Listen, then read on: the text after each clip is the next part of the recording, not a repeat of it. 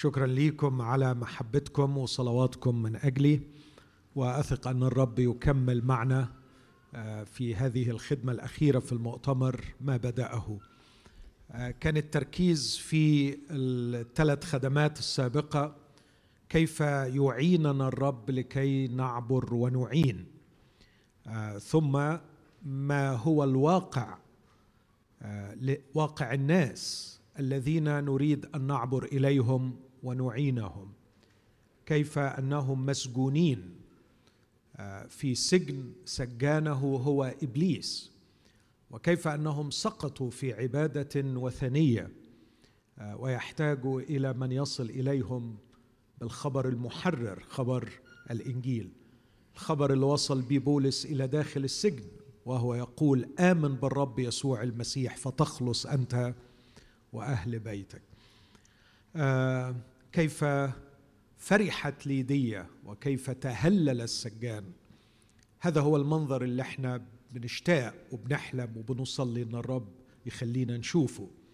آه ان إحنا نوصل لناس فعلا يقبلوا المسيح ويتهللوا ويعتمدوا ويفرحوا بالمخلص. في هذا الاجتماع هركز على نقطتين. النقطة الأولى مختصرة ولن أطيل فيها. ما هو الإنجيل الذي نصل به إلى الناس؟ والنقطة الثانية هتدور حوالين العبور. ما هي الحواجز التي نحتاج أن نعبرها لكي نصل إلى الناس؟ هستأذنكم هنقرأ جزئين من كلمة الله من أعمال 16 وأعمال 17 أعمال 16 نشوف في يعني لو حابين إنكم تقفوا آه، ده بينشطنا شوية. أعمال 16 اللي هو الموضوع الأساسي للشعار أو الأصحاح اللي منه الشعار. هقرأ الآية تسعة وعشرة. وظهرت لبولس رؤيا في الليل رجل مكدوني قائم يطلب إليه ويقول أعبر إلى مكدونية وأعنا. عدد عشرة. فلما رأى الرؤيا فهم الإعانة دي إزاي؟ كيف فهم بولس الإعانة المطلوبة عدد عشرة؟ فلما رأى الرؤيا للوقت طلبنا أن نخرج إلى مكدونية متحققين أن الرب قد دعانا مش لنعينهم لكن لنبشرهم. إذا المقصود بالمعونة هي البشارة. لكن نقرأ كمان من أصحاح 17 عن عبور الحواجز. بولس ساب فيلبي وراح لبيرية ومن بيرية يبدأ أصحاح 17 فاجتازا في أمفبوليس وأبولونيا وأتيا إلى تسالونيكي حيث كان مجمع اليهود. فدخل بولس إليهم حسب عادته وكان يحاجهم يحاجهم ثلاث سبوت من الكتب موضحا ومبينا أنه كان ينبغي أن المسيح يتألم ويقوم من الأموات وأن هذا هو المسيح يسوع الذي أنا أنادي لكم به. فاقتنع قوم منهم وانحازوا إلى بولس وسيله ومن اليونانيين المتعبدين جمهور كثير ومن النساء المتقدمات عدد ليس بقليل. عدد 16 بولس ساب تسالونيكي وراح إلى أثينا. وبينما بولس ينتظرهما في أثينا احتدت روحه فيه إذ رأى المدينة مملوة أصناما. فكان يكلم في المجمع اليهود المتعبدين والذين يصادفونه في السوق كل يوم في الماركت بليس في السوق. فقابله قوم من الفلاسفة الأبيكوريين والرواقيين. وقال بعض ترى ماذا يريد هذا المهذار أن يقول؟ وبعض إنه يظهر مناديا بآلهة غريبة لأنه كان يبشرهم بيسوع وبالقيامة. فأخذوه وذهبوا به إلى أريوس باغوس. قائلين هل يمكننا أن نعرف ما هو هذا التعليم الجديد الذي تتكلم به؟ لأنك تأتي إلى مسامعنا بأمور غريبة فنريد أن نعلم ما عسى أن تكون هذه. أما الأثينويون أجمعون والغرباء المستوطنون فلا يتفرغون لشيء آخر إلا أن لأن يتكلموا أو يسمعوا شيئا حديثا. فوقف بولس في وسط أريوس باغوس وقال أيها الرجال الأثينويون أراكم من كل وجه كأنكم متدينون كثيرا لأنني بينما كنت أجتاز وأنظر إلى معبوداتكم وجدت أيضا مذبحا مكتوبا عليه لإله مجهول فالذي تتقونه وأنتم تجهلونه هذا أنا أنادي لكم به. الإله الذي خلق العالم وكل ما فيه هذا إذ هو رب السماء والأرض لا يسكن في هياكل مصنوعة بالأيادي ولا يخدم بأيادي الناس كأنه محتاج إلى شيء إذ هو يعطي الجميع حياة ونفسا وكل شيء. وصنع من دم واحد كل أمة من الناس يسكنون على كل وجه الأرض وحتم بالأوقات المعينة وبحدود مسكنهم لكي يطلبوا الله لعلهم يتلمسونه فيجدوه مع أنه عن كل واحد منا ليس بعيدا لاننا به نحيا ونتحرك ونوجد كما قال بعض شعرائكم أيضا لأننا أيضا ذريته.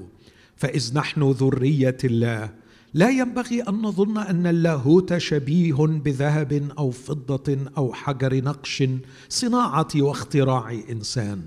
فالله الآن يأمر جميع الناس في كل مكان أن يتوبوا متغاضيا عن أزمنة الجهل لأنه أقام يوما هو فيه مزمع أن يدين المسكونة بالعدل برجل قد عينه مقدما للجميع ايمانا إذ أقامه من الأموات. ولما سمعوا بالقيامة من الأموات كان البعض يستهزئون والبعض يقولون سنسمع منك عن هذا أيضا. وهكذا خرج بولس من وسطهم. ولكن اناسا التصقوا به وآمنوا. منهم ديونيسيوس الأريوباغي وامرأة اسمها دامرس وآخرون معهما. آمين. هذه هي كلمة الرب. تفضلوا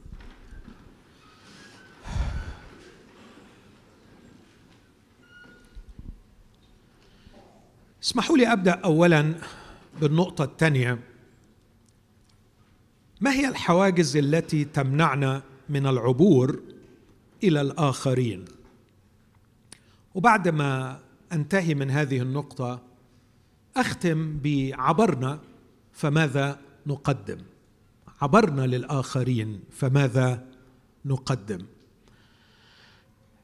هذا الأصحاح أنا أعتبره لؤلؤه أعتبره منجم للغنى الروحي. نحتاج اليه ككنيسه بشدة في هذه الأيام. كم أشكر الله لأجل هذا الخادم الأمين بولس. وكم أشكر الله لأجل الروح القدس الذي ساق لوقا ليسجل لنا تفاصيل هذه الزيارة في أثينا. أرى فعلا أن الله أغنانا غنى عظيم بأنه أعطانا هذا الأصحاح. القصة بدأت بأن بولس ذهب إلى تسالونيكي مطرودا من بيريه وكعادته دخل إلى المجمع يوم السبت. وعندما دخل إلى المجمع يوم السبت كان يحاج اليهود من الكتب المقدسة من التسعة وثلاثين سفر بتوع العهد القديم. يحجهم محققا مبينا موضحا أنه كان ينبغي أن المسيح يتألم ويقوم ليكون سبب خلاص للناس. وكان يبرهن أن يسوع الناصري هو المسيح الموعود به هو المسيا الملك. لاحظوا إن هذه الرسالة تتناسب تماما مع عقلية اليهود ومع إيمانهم بالكتب المقدسة التي كانت عندهم. لكن بعد هذا كما حدث أيضا في فيلبي وفي بيريا وفي تسالونيكي آه يضطهد ويطرد. فنزل إلى أتينا وكان ينتظر زملاؤه في الخدمة أن يأتوا إليه. فاستغل الوقت حتى يأتي إليه سيلا وتيموثاوس ولوقا اللي كانوا بيصحبوه في الخدمة. استغل الوقت بأن يتجول في المدينة. يتجول في المدينة بمعنى آه، لو هطبقها النهارده إنه ربما يزور متاحفها ربما آه، يزور مكتباتها ربما يزور المولات اللي فيها. تجول في المدينة وكان في تجواله في المدينة بيركز على شيء محدد أنه بعضكم ابتسم لما قلت يروح المول. أكيد مش علشان يعمل shopping right بولس ما كانش محتاج يعمل shopping لكن يتفرج على الناس يشوف الناس إزاي بتفكر إزاي بتتعامل ما هي الثقافة التي يعيش فيها هذا المجتمع. فبينما يتجول في المدينة رأى المدينة مملوءة اصناما فاحتدت روحه احتدت روحه فيه. لكن واصل تجواله وكان يكلم الناس في أتينا في السوق. نزل إلى الماركت بليس نزل, نزل إلى حيث يلتقي الناس. ربما مثلا آه، في حوارات يجريها مع عامل في متجر مع شخص في الشارع مع شخص يؤدي خدمة معينة يبيع شيئا معينا. كان يكلم الناس الذين يصادفونه في السوق. لكن أخيرا بعض الفلاسفة آه، التقوه ويبدو أنهم دخلوا في حوار معه. فوجدوا على قدر من الثقافة بفلسفتهم الأبيكورية والفلسفة أيضا الرواقية. ف آه، لم يجدوا غضاضة في أن يدعوه إلى الهايد بارك بتاعتهم إلى أريوس باغوس حيث يلتقي المفكرون ويتناقشوا ويتحاوروا فدعوه إلى هناك وهناك ألقى بولس هذا الخطاب البديع. الذي بدأه بمدحهم وانتهى فيه بأمرهم أن يتوبوا. بدأ بالقول أرى أنكم من كل وجه متدينين. وانتهى الله الآن يأمر جميع الناس في كل مكان أن يتوبوا. الحقيقة هذا الأصحاح مدرسة ونحتاج أن نتعلم منه الكثير. أنا قدامي 12 حاجز أو مش 12 حاجز الحواجز أقل. لكن 12 نقطة هعدي عليهم بسرعة ونستخلص منهم. بعض الحواجز اللي منعانا إحنا كعرب في القرن الواحد وعشرين من عبور الحواجز للوصول لمن يصرخ ويقول اعبر واعنا هقف عند ال 12 نقطة دول بسرعة آه، معتمدا على ذكائكم الروحي في أن نلتقط المعنى آه، بسرعة علشان أقدر أخلص. وكمان آه، أستخلص منهم من ال 12 نقطة دول في النهاية. ما هي أهم الحواجز التي تعزلنا وتحجزنا عن الوصول؟ النقطة الأولى ألاقيها في عدد واحد لأربعة. في عدد واحد لأربعة عندما دخل بولس إلى المجمع في أربع كلمات في غاية الأهمية. الكلمة الأولى يقول كان يحاجهم موضحا مبينا. ثم في عدد أربعة فاقتنع. المحاجة المحاجة التوضيح التبيان مبينا. كلمة محاجا بمعنى arguing إنه بيعمل argument. محاجا بمعنى إنه يقدم الفكرة بأسلوب منطقي متسلسل بحيث إنه يصنع حجة يقدمها للشخص. ولكي يستطيع أن يعمل المحاجة يحتاج أن الحقائق البريمسز الفرضيات اللي بيقدمها يوضحها ويبينها. كلمة يوضحها يعني يشرحها. كلمة يبينها يعني يفتحها لكي ما يجعلها مدعومة بالدلائل والبراهين التي تجعل من السهل على المستمع أن يقبلها. فالمحاجة هي الإطار. أقدم حجة مقنعة. الطريقة هي إني أوضح وأبين الفرضيات التي أقدمها. والخلاصة إنه الناس اقتنعت. فأنا أريد أن أصل إلى حالة الاقتناع. لاحظوا أحبائي مش بالضرورة الاقتناع يخلص لكن من يخلص يحتاج إلى الاقتناع. والشيء الذي لا تستطيع أن تحاجج من أجله لا تتوقع أن الآخرين يقبلوا بمعنى أنه إذا كان الإيمان المسيحي أضعف من أن نحاجج من أجله فلماذا نتعب أنفسنا في تقديمه للآخرين؟ إذا كان الإيمان المسيحي سيحدث بمطلق معجزة بحتة الله والإنسان. عندنا أسئلة كثيره الحقيقة لو لو هو ده المفهوم. ما ما الحاجة للكرازة؟ ما الحاجة للحوار؟ ما الحاجة للنقاش؟ ما الحاجة للصراع الفكري؟ ما الحاجة للكتابات التي نكتبها؟ ثم في هذه الحالة أعتقد أن الإنسان تحول إلى روبوت.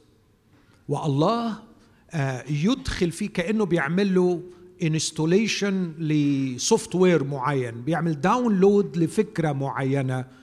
آه، أين حرية الإنسان في القبول والاقتناع؟ لكن أعتقد أنه هذا مضاد لفكر الكتاب المقدس اللي من حتى في العهد القديم يقول هلم نتحاجج يقول الرب. آه، عندما كان يخاطبهم من خلال الأنبياء كان يطرح أسئلة. إرميا 2 يقول لهم ماذا وجد في اباءكم من جور حتى ابتعدوا عني؟ كان الرب دائما يريد الاقتناع الفكري. هذا يحتاج منا إلى الدراسة. وده أول حاجز محتاجين نعبره أسميه الكسل العقلي. الكسل العقلي. لو تذكروا أحبائي بالأمس أشرت إلى ثلاث كلمات في العهد الجديد البشارة الكرازة والمجاوبة. البشارة تشير إلى المحتوى الذي نتكلم به ودي كلمة تكررت في العهد الجديد كتير مش قليل حوالي 13 مرة. لكن الكلمة اللي تكررت كتير هي كلمة الكرازة كروسو باليوناني ومعناها الإعلان نعلن عن الشيء نخبر به. البشارة بتقول إن المحتوى بتاع الإعلان حلو في خبر حلو مفرح أن يسوع مات من أجل خطايانا وقام. لكن الكلمة الثالثة اتكررت بس تسع مرات في العهد الجديد وهي محاجة. والمحاجة اللي ترجمت في بطرس الأولى 3 15 مجاوبة مستعدين دائما لمجاوبة كل من يسألكم عن سبب الرجاء الذي فيكم. الآية دي هي اللي منها طلع علم الأبولوجيتكس لأنه الكلمة مجاوبة أبولوجية وأبولوجية أن تقدم مرافعة تقدم مرافعة منطقية لكي تقنع الآخر بالحجة التي أنت تقدمها أو بالخبر الذي تعلنه. في رسالة بطرس الأولى لم يكن الرسول يكتب للخدام لكن يكتب لكل الكنيسة. ولما بيقول لكل الكنيسة مستعدين دائما أنكم تعملوا أبولوجية كان بيكلم كل المؤمنين بشتى الأعمار الروحية وليس لفئة معينة. عشان كده أنا أنصح إنه لابد أن الكنيسة تتلقى قدر من التدريب في ال apologetics مش بقول كده علشان أنا خدمتي في ال apologetics لكن الكنيسة تحتاج لل apologetics اللي هي بتترجم خطأ بالعربي الدفاعيات وتفهم برضه بشكل مش مظبوط. لكن الدفاعيات ببساطة كيف نعلم المؤمنين صناعة الحجة للإقناع؟ كيف يكون إيمانهم المسيحي مفهوما ومهضوما وكيف يستطيعوا أن يصيغوه في صورة حجة تقنع أو على الأقل تجيب من يسأل. ده محتاج شغل محتاج مجهود. آه عندنا أنشطة كتير بنعملها في مصر وفي معظم البلدان العربية إقناع الكنيسة بأهمية الابولوجيتكس علشان نقدر نخلي أعضاء الجسد الواحد مهما كان عمرهم الروحي يعرف يحاج يعرف يوضح يعرف يبين يعرف يقنع. ده أول حاجز. إن إحنا آه، قبلنا المسيح مخلص وفرحنا بيه ورايحين جايين على الكنايس طول الوقت بنتلقى عظات تشجعنا وتساعدنا وتعزينا لكن مفيش مجهود بيبذل لكي نكون مستعدين لمجاوبة كل من يسألنا. محدش بياخد بإيدينا ويعلمنا ويعرفنا حتى هو إيه التحديات اللي ممكن يكون العقل البشري في منطقتنا بيطرحها. هو ليه رافض الفكرة دي؟ محتاجين أبولوجيتكس تقول لي هي إيه الأسئلة إيه التحديات وإزاي أنا أقدر أتعامل معها مرة أخيرة أقول هذه ليست مسؤولية الخدام فقط لكن الرسول كان يطلبها من كل أفراد الكنيسة مستعدين دائما لمجاوبة كل من يسألكم عن سبب الرجاء الذي فيكم بوداعة وخوف. ده الحاجز الأول الكسل العقلي. الحاجز الثاني أه بشوفه في عدد 11 بيقول عن أهل بيرية كان هؤلاء أشرف من الذين في تسالونيكي فقبلوا الكلمة بكل نشاط فاحصين الكتب كل يوم هل هذه الأمور هكذا؟ هل هذه الأمور هكذا؟ الحقيقة ده يحسب لأهل بيرية رايت يحسب لهم. لكن أنا اعتقادي إنه يحسب لبولس أيضا أنه قدم الحق بطريقة تستثير السامع للفحص. واخدين بالكم من الفكرة دي؟ نقدم الحق بطريقة تستثير السامع للفحص لمراجعة ما نقول. إيه اللي أقصده أقصد إن إحنا محتاجين كمسيحيين أن نعبر حاجز ثقافة التلقين. لقد تعلمنا جميعا في مدارس معظمنا يعني الغلابة اللي زي حالاتي خريجي مدارس الحكومة. تعلمنا في مدارس ونشأنا في حضن ثقافة سواء في المدرسة أو في المنبر ثقافة التلقين. بص أنا بجيب لك من الآخر وأنا عارف وأنت جاهل. فانت تقعد علشان تسمعني وأنا هعلمك واللي هقوله لك ده هو الصح. وما تقلبش خلاص. تاخد كده من الآخر وتحمد ربنا مئة مرة على النعمة اللي هو حطك فيها إن جابني في سكتك علشان أعلمك اللي أنت ما تعرفوش هذا الأسلوب أحمق. ولم يكن قط لا أسلوب المسيح ولا أسلوب الرسل. لكن من الواضح أن الأسلوب الذي كانوا يتكلمون به كان يستثير الفكر لمراجعة الكلام. وأنا يا إخوتي أنصح بقوة وأشجع في حواراتنا مع الأشخاص اطرح أسئلة أكثر مما تقدم أجوبة. اطرح أسئلة أكثر مما تقدم أجوبة. أناشد الكنيسة أن نتعلم فن وروعة طرح الأسئلة. اطرح أسئلة. بس اطرح أسئلة جادة. اطرح أسئلة من الأسئلة اللي تستثير الفكر. تستثير الفكر. بدءا من الأسئلة البسيطة جدا وإلى أعمق الأسئلة. امبارح بالليل كنت في مطعم. ال waiter جاية بتقدم لي الطبق. سؤال بسيط. بصيت لها وقلت لها Are you happy in Dubai؟ قالت لي no no ما كانش في فرصة أن أكلم معاها لكن مش بعيد روح الله.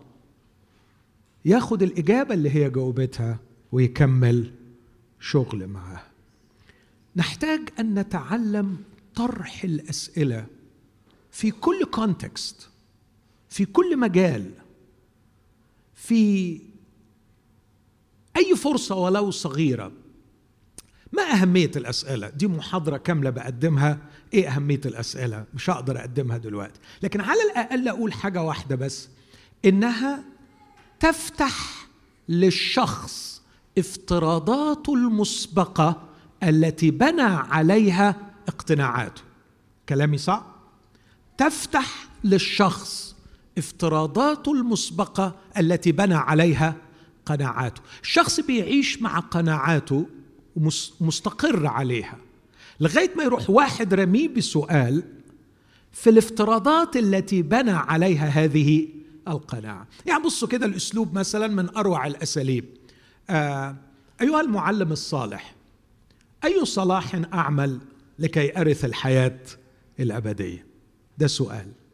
الرب يسوع لو آه، خادم خصوصا بروتستانتي اليومين دول هيرد عليه يقول له على فكرة أنت فاسد واللي جابك فاسد وأهلك فاسدين وأنت موارث الخطية وأنت محتاج لدم يسوع المسيح يخلصك من يطهرك من كل خطية فاقبل الرب يسوع وأنت تخلص. مش كده؟ هو ده الأسلوب اللي إحنا بنعمله. آه انت صالح ده انت غلبان ده انت جاهل. انت انت مش عارف انك رمة ودود و وحالتك بالبلا وانت ما ما قريتش عن ال total depravity يا خايب. انت انت فسدان كلك على بعضك. صلاح إيه وهباب إيه اللي انت تعمله؟ عارفين الأسلوب ده أحيانا؟ طبعا ما تبقاش بالقسوة دي بس مرات كده على طول نندفع لتقديم الأجوبة سابقة التجهيز. نقدمها للناس. لكن يسوع قال له لماذا تدعوني صالحا؟ وكأنه بيقول له على قدر علمي ليس أحد صالح إلا واحد وهو الله. تعرفوا الكلمة دي تفتح الافتراضات اللي الشخص بيفكر بيها. الافتراض الأول اللي, اللي تفتحه ليس أحد صالح إلا الله يعني ده معناه إن أنا لا أستطيع أن أفعل صلاح. الافتراض الثاني أنا جايب افتراض إنك نبي فلو أنا بدعوك صالح ده شيء يحير شوية وأنت بتقول ليس أحد صالح إلا واحد وهو الله فيا إما أنا الله يا إما مش من حقك تقول لي أيها المعلم الصالح. فيفتح افتراضاته عن نفسه ويفتح افتراضاته عن المسيح. بسؤال لماذا تدعوني صالحا؟ مع اليهود وهكذا مش عايز أخد وقت كتير. لكن كتير من الناس القناعات اللي عايشين بيها ما جاتش كده وبس لكن مبنية على افتراضات بريمسز أنت محتاج تناقش ال premises تفتح ال premises تخليه يراجع الفرضيات اللي طلع منها بهذه القناعات. الوسيلة الوحيدة لجعل الشخص يراجع الفرضيات التي من خلالها وصل لقناعاته هي طرح الأسئلة. ودي مهارة نحتاج أن نكتسبها مع الوقت بدءا من مطعم بدءا من تربية أولادنا. اطرحوا أسئلة اطرحوا أسئلة اطرحوا أسئلة. رب يسوع في الأناجيل الأربعة جمعت له 240 سؤال. تخيل في حواراته واحاديثه كان دائم يسأل يسأل.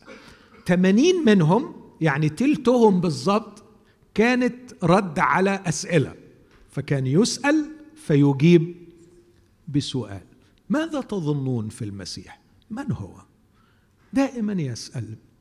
من هو المسيح؟ يقول لليهود من هو المسيح؟ هو ابن داود بجد؟ صح. طب إذا كان ابن داود كيف تعاملتم مع نص في مزمور 110 فيه يقول داود قال الرب لربي. فكيف؟ كيف وهو ابنه يدعوه رب؟ بس وسابهم خلاص وسابهم يخبطوا بقى في السؤال أيوه فعلا. غريبة قوي كيف وهو ابنه يدعوه رب؟ يا إما النص ده ما بيتكلمش عنه بس بقية المزمور كله بيتكلم عن المسيا يا إما المسيا لازم ما يكونش بس ابن داود لكن أيضا رب داود ودي مشكلة. كان يفتح كان يخلخل كان يهز السامع من جهة فرضياته. وأعتقد إن إحنا محتاجين يا قسيس وائل تدريب في ال apologetics مش بروج لخدمتنا لكن أعتقد أن الكنيسة في شديد الاحتياج إلى ال apologetics أعتقد إنه الحاجز هنا أنا قلت في أهمية الاستعداد للإقناع الحاجز هنا هو آه عبور حاجز ثقافة التلقين. فالحاجز الأولاني هو الكسل الفكري إنه ما عندناش استعداد نتعلم ونتدرب. لكن الحاجز الثاني اللي تعبنا في الوصول والعبور هو ثقافة التلقين. أول ما بتتاح لي فرصة إن أنا أتواجد مع شخص آه، من آه، عايز أوصل له عبرت ووصلت عايز بقى عايز أتكلم معاه. بس هو ده العبور الحقيقي إن أنا أتكلم معاه. فاولا بشعر بالذنب إنه أنا دلوقتي لازم أوعظ لازم أبشره لازم أعمل حاجة بسرعة وأرفع قلبي يا رب أرجوك آه، افتح الباب للكلام. وبعدين يتفتح الباب للكلام. هل تعرف أنه آدم أخطأ؟ وكلنا ورثنا الخطية وجاء المسيح لكي يفتدينا من الخطية ومات على الصليب من أجلنا بس في اليوم الثالث قام. وأنت دلوقتي إذا ما قبلتش المسيح هتروح في داهية. خلي بالك الحق بسرعة سلم حياتك للمسيح. وإذا ما عملتش دول ودلقتهم كده أبقى شاعر بالذنب وحاسس إن أنا ما عملتش اللي عليا. عبور ثقافة التلقين. الأمر الثالث بسميها أهمية الاحتداد الروحي. بولس لما كان في أثينا في عدد 16 احتدت روحه فيه. ازراء المدينة مملوءة أصناما. إخوتي الأحباء إذا لم نصل إلى حالة الوجع والاحتداد ونحن نرى الكذب يسيطر ويسود. الكذب يسيطر ويسود. إذا ما وصلناش لحالة الغضب والاحتداد إحنا مش هنعبر. إحنا م... وحتى إذا الفرصة جات لغاية عندنا مش هنعرف نستغلها. هل رأينا المدينة مملوءة اصناما؟ هل رأيتم يا سكان هذه المدينة المدينة مملوءة اصناما؟ وما هو موقفكم؟ هل احتدت روحكم فيكم؟ أم أننا غير مبالين؟ وكأن الأمر لا يعنينا. إحنا جايين ناكل عيش. ما يعبدوا اللي يعبدوه ويتفلقوا. إحنا هنموت روحنا.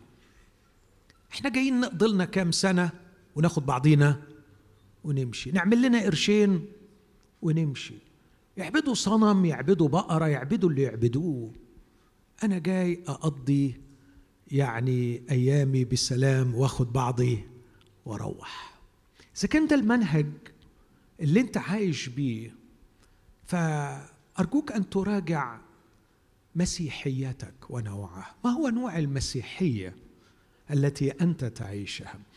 على ما أعتقد إن اللي بيفكر بالطريقة دي المسيحية بالنسبة له هي تذكرة ticket free ticket للسماء حصل عليه في يوم من الأيام. وأنا عارف إن في ناس كتير عايشة بالقناعة دي وممكن يكونوا مسيحيين حقيقيين. بس على فكرة من وجهة نظري الغالبية العظمى من الذين اختزلوا المسيحية إلى free ticket to heaven مش مؤمنين حقيقيين. وأرجوكم تصدقوني في اللي بقوله لكم وراجعوا الكلام وافحصوه. كتير من اللي اختزلوا المسيحية إلى رفعة يد في اجتماع وخدت الخلاص واسمي اتكتب في سفر الحياة واديني مستني ربنا يعني لغاية ما أوصل السماء. لما بنراجع الأخلاقيات بتاعتهم وبنراجع المنهج السلوكي والأغراض اللي عايشين لها ما بنلاقيش أي ريحة لشخص المسيح. بنلاقي تدين بروتستانتي تدين له معالم الدين المسيحي لكن الشخص نفسه ليس مسيحي حقيقي. فده خطير جدا. لكن إذا آه كنت مسيحي حقيقي ما أعتقدش إنك تسمع الشهادة الزور كم ذا مرة في اليوم وما تحتدش. حد فهمني؟ ما أعتقدش إنك تشوف الأصنام وما تحتدش. ما أعتقدش إنك تشوف الظلمة تغطي الأرض وما تحتدش. ما اعتقدش انك تشوف الشهوة تقتل الناس وعبادة الجنس وعبادة المال. تفتك وتضيع إنسانية الناس وأنت لا تبالي. احتدت روحه فيه. وده أسميه حاجز البلاده الروحية التبلد الروحي. عدم الاندماج مع الله في مشروعه. بلاده روحية. عدم تمييز أدبي. الأمر الرابع لنشوفه في هذا الأصحاح في عدد 18 عفوا 17 فكان يكلم في المجمع اليهود المتعبدين والذين يصادفونه في السوق كل يوم. حلوة قوي التعبيرات دي.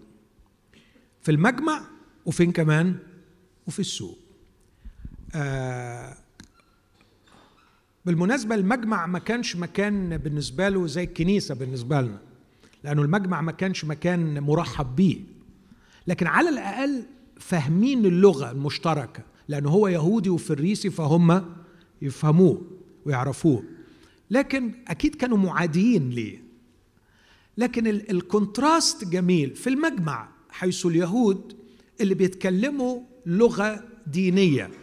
وفي السوق حيث الناس الذين يتكلمون لغة فلسفية أو لغة عامية لغة شعبية. بعدين برضو كلمة حلوة يصادفونه في السوق. مرات أسمع ما فيش في الكتاب المقدس كلمة صدفة بس هنا في صدفة أهي. مش معناه إن أنا هتكلم عن لاهوت الصدفة دلوقتي مش ده موضوعي. لكن على الأقل آه الرسول بيقول إنه كان بيمشي في السوق وفي ناس بتعمل إيه؟ أه؟ تصادفه في السوق. فكان ينتهز الفرصة ويستغل الصدفة ويتكلم. ودي بقول عنها أهمية التواجد في المجمع وفي السوق. أهمية التواجد الروحي في المجمع وفي السوق. والكلمة بالإنجليزية marketplace ال marketplace بالنسبة لنا هو أماكن شغلنا.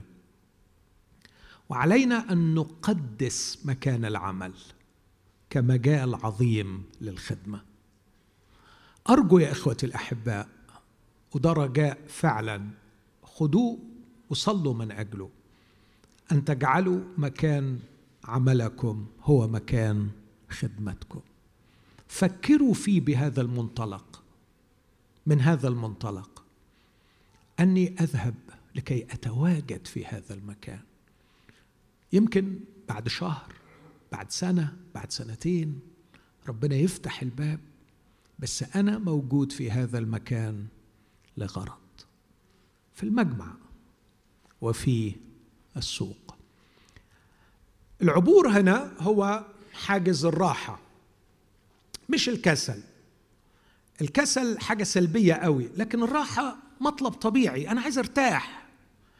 أنا عايز الدنيا تبقى سهلة. فأنا ما عنديش مانع أدعي واحد الكنيسة يسمع كلمة ربنا. عندنا مؤتمر الحمد لله وجايبين واعظ فأنا اللي هعمله إن أنا هعزم صاحبي يسمع. طب وأنت ليه ما تدخلش في حوار؟ لا لا ده وجع قلب وأنا مش قد الشغلانة دي. أنا كفاية عليا إن أنا أجيبه يسمع. آه وفي مكان العمل لا خلينا مش مش عايز وجع قلب. فالراحة. لكن أعتقد أنه اللي عايزين يخدموا الرب ويستجيبوا لصرخة الناس أعبروا اعنا عليهم أن هم يعبروا حاجز الراحة. عدد 22 وقف بولس في وسط أريوس باغوس. الحقيقة الكلمة اللي, اللي, اللي اتقالت في عدد 19 مؤثرة شوية. فأخذوه وذهبوا به إلى أريوس باغوس. وهنا أقول الاستعداد للذهاب إلى أريوس باغوس. في أريوس باغوس كان بولس يعلم جيدا أنه لا يحظى بالقبول لن يرحب به لن يصفق له. ما ما فيش واحد هيبدأ الحوار مع بولس أو يدي فرصة لبولس يتكلم ويقول please join me in welcoming Mister Paul علشان يدينا الخطاب بتاعه. لكن نظرات العداوة والشراسة والرفض والاحتقار هم واخدينه ورايحين هناك يقولوا لكي نرى هذا المهذار ماذا يقول. آه، أعتقد إنه محتاجين إن إحنا نتجرأ ونصل إلى أريوس باغوس. إذا ظل الخدام فقط يذهبون للأماكن التي يصفق لهم فيها فقل على الإنجيل السلام. الإنجيل وصل إلى أقصى بقاع الأرض من خلال خدام لا يصفق لهم. من خلال خدام يقابلوا بالعداوة في كل مكان. نحن في خطر شديد أن ننتظر تصفيق الناس وقبول الناس. كان بولس يعلم جيدا انه في أريوس باغس هناك العنف والشراسة والسخرية والاستهزاء لكن كان عنده استعداد أن يذهب إلى أريوس باغس العبور هنا هو عبور حاجز الخوف. تخافش من الناس. ما تخافش من المقاومة. هو في يوم من الأيام قال في احتجاجي الأول لم يحضر معي أحد لكن الرب وقف معي وقواني فأنقذت من فم الأسد وسينقذني الرب من كل عمل رديء لكي تتم بي الكرازة. تتم بي الكرازة. سأكرز سأحتج سأقف أمام ملوك سأقف وسط أريوس باغوس. عبور حاجز الخوف. لكن أمر آخر وقف بولس في وسط أريوس باغوس عدد 22 وقال أيها الرجال الأثينويون أراكم من كل وجه كأنكم متدينون كثير. الحقيقة الترجمة العربية هنا أخطأت في إضافة كلمة كأنكم الكلمة اليونانية أراكم متدينين كثيرا. والفكرة اللي عايز أقولها هنا البداية بشيء يمدح. وعلينا أن نجد في الناس دائما شيئا يمدح. إذا وصلنا للمرحلة إن إحنا لا نرى في الناس أي شيء يمدح فالمشكلة في عيوننا التي ترى. عندنا مشكلة. كان يسوع دائما وابدا يعرف كيف يجد شيئا يمدح. عجيب هذا الشخص فعلا. جميل و و ومذهل في روعته. أتذكر مثال قوي قوي السامريه بصوا لقاءه مع المرأة السامرية. هي امرأة وهي سامرية وهي ماضيها يعني أسود وهي واقعها أشد سوادا من ماضيها ولغتها حتى مش لطيفة. يعني من كل النواحي الموقف لا يوجد فيه شيء يمدح لكن يسوع متلكك يلاقي حاجة. فيقول لها اذهبي وادعي زوجك ليس لي زوج. واو حسنا قلتِ. ليس لي زوج حسنا قلت. لأنه بالحقيقة كان لك خمسة أزواج والذي معك الآن ليس هو زوجك. هذا بالصدق قلت. ما أجمل هذا الشخص؟ حسنا قلت هذا بالصدق قلت. معلش يا رب يسوع سؤال بيني وبينك على جنب يعني. يعني أنت مبسوط بالوضع بتاعها ده؟ لا أنا أنا مش بصادق على الوضع. مين قال لك أنا مبسوط على الوضع؟ مش مبسوط بالوضع ابدا. وإحنا هنغيره دلوقتي إن شاء الله بس يعني لكن في حاجة حلوة. في حاجة حلوة. أنا مش بصادق على الوضع لكن بصادق على الصدق اللي هي قالت قالت أنا ما عنديش. زوج ما كان ممكن تكذب عليا وتقول لي إن اللفندي اللي معاها ده أهو جوزي وخلاص يعني. لكن هي واضح إنها عندها شيء حسن. تخيلوا بقى أنا ده اللي ما كنتش ممكن أتخيله. الفريسين بقى. أنت بس هات ليسوع سيرة الفريسين وأنت تلاقي وشه اتقلب حقيقي. أكتر ناس ما كانش يتحملهم هم الفريسين وكان يقول لهم أغبياء. أنتوا أغبياء. كان بيقول لهم كده قال لهم أكتر من مرة كده. بس تصور إنه عرف يلاقي فيهم حاجة حلوة. يعني مثلا بيقول لهم وهو بيوبخهم أعنف توبيخ. بيقول لهم إن أنتوا تعشرون النعنع والشبث والكمون وبعدين وتتركون أثقل الناموس. بس تعرف يقول إيه؟ كان ينبغي أن تفعلوا هذه ولا تتركوا تلك. يعني تسجود إنكم بتعملوا دي حلو إنكم تعملوا دي بس المفروض إنكم تعملوا دي. وكمان دي. خد بالك دائما يجد شيئا يمدح. كان يرى أن الخطاة يحبون. فيقول إن كنتم تحبون الذين يحبونكم فأي فضل لكم؟ أليس الخطاة أيضا يفعلون هكذا؟ فكان يرى أن الخطاة يحبون. علينا أن نتدرب على مهارة العين النقية الجميلة التي تستطيع أن ترى شيئا في الآخرين يمدح. إيه الحاجز اللي محتاجين نعبره؟ هنا هنا حاجز نفسي. حاجز نفسي اللي هو حاجز البر الذاتي. البر الذاتي يخلق فينا شعورا زائفا بفساد العالم كله وبأفضليتنا نحن عن الآخرين. الحمد لله على نعمة المسيحية. الحمد لله على نعمة ان أنا من الطائفة الفلانية. تخلق فينا شعورا زائفا بالأفضلية وتحقيرا للآخرين. ده حاجز محتاج إن إحنا نعبره علشان لما تتاح لي فرصة أقعد مع حد أعرف فعلا أفيده. والناس بتحس قوي بالكلام ده. بتحس اللي بيتكلم معاه من فوق واللي بيتكلم معاه من أرضية متساوية. على فكرة أنا خاطي زي زيك وعندي قصة ممكن أشاركك بيها. أنا ربنا عمل معايا كده. وعلى فكرة أحب أسمع قصتك أنت كمان.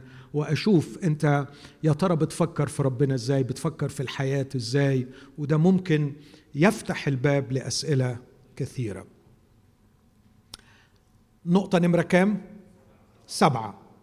النقطة نمرة سبعة هي نقطة مهمة قوي.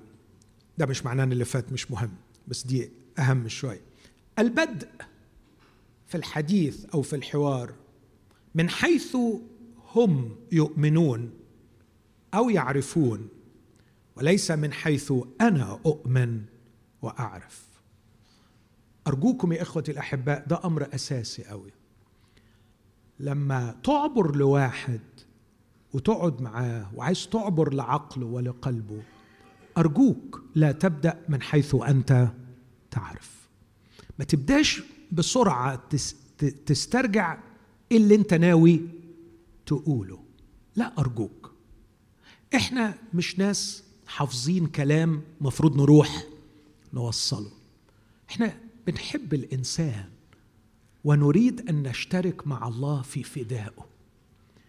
قول الكلمة دي معايا مش عيب. نشترك مع الله في فداء الإنسان في عمل الفداء. يعني إيه أشترك مع الله في عمل الفداء؟ هو أنا هموت على الصليب؟ لا مش محتاجين. خلاص مات المسيح على الصليب. بس redeeming redemption يعني إيه؟ استعادة الإنسان. فأنا شريك مع الله في استعادة هذا الإنسان. فلازم أحب الإنسان اللي هفديه فأنا رايح أحب إنسان وأفتدي الإنسان وأسترجع الإنسان وأعمل مع الله في استرداد هذا الإنسان من يد إبليس. أسمعه. أحاول أشوف هو واصل لفين.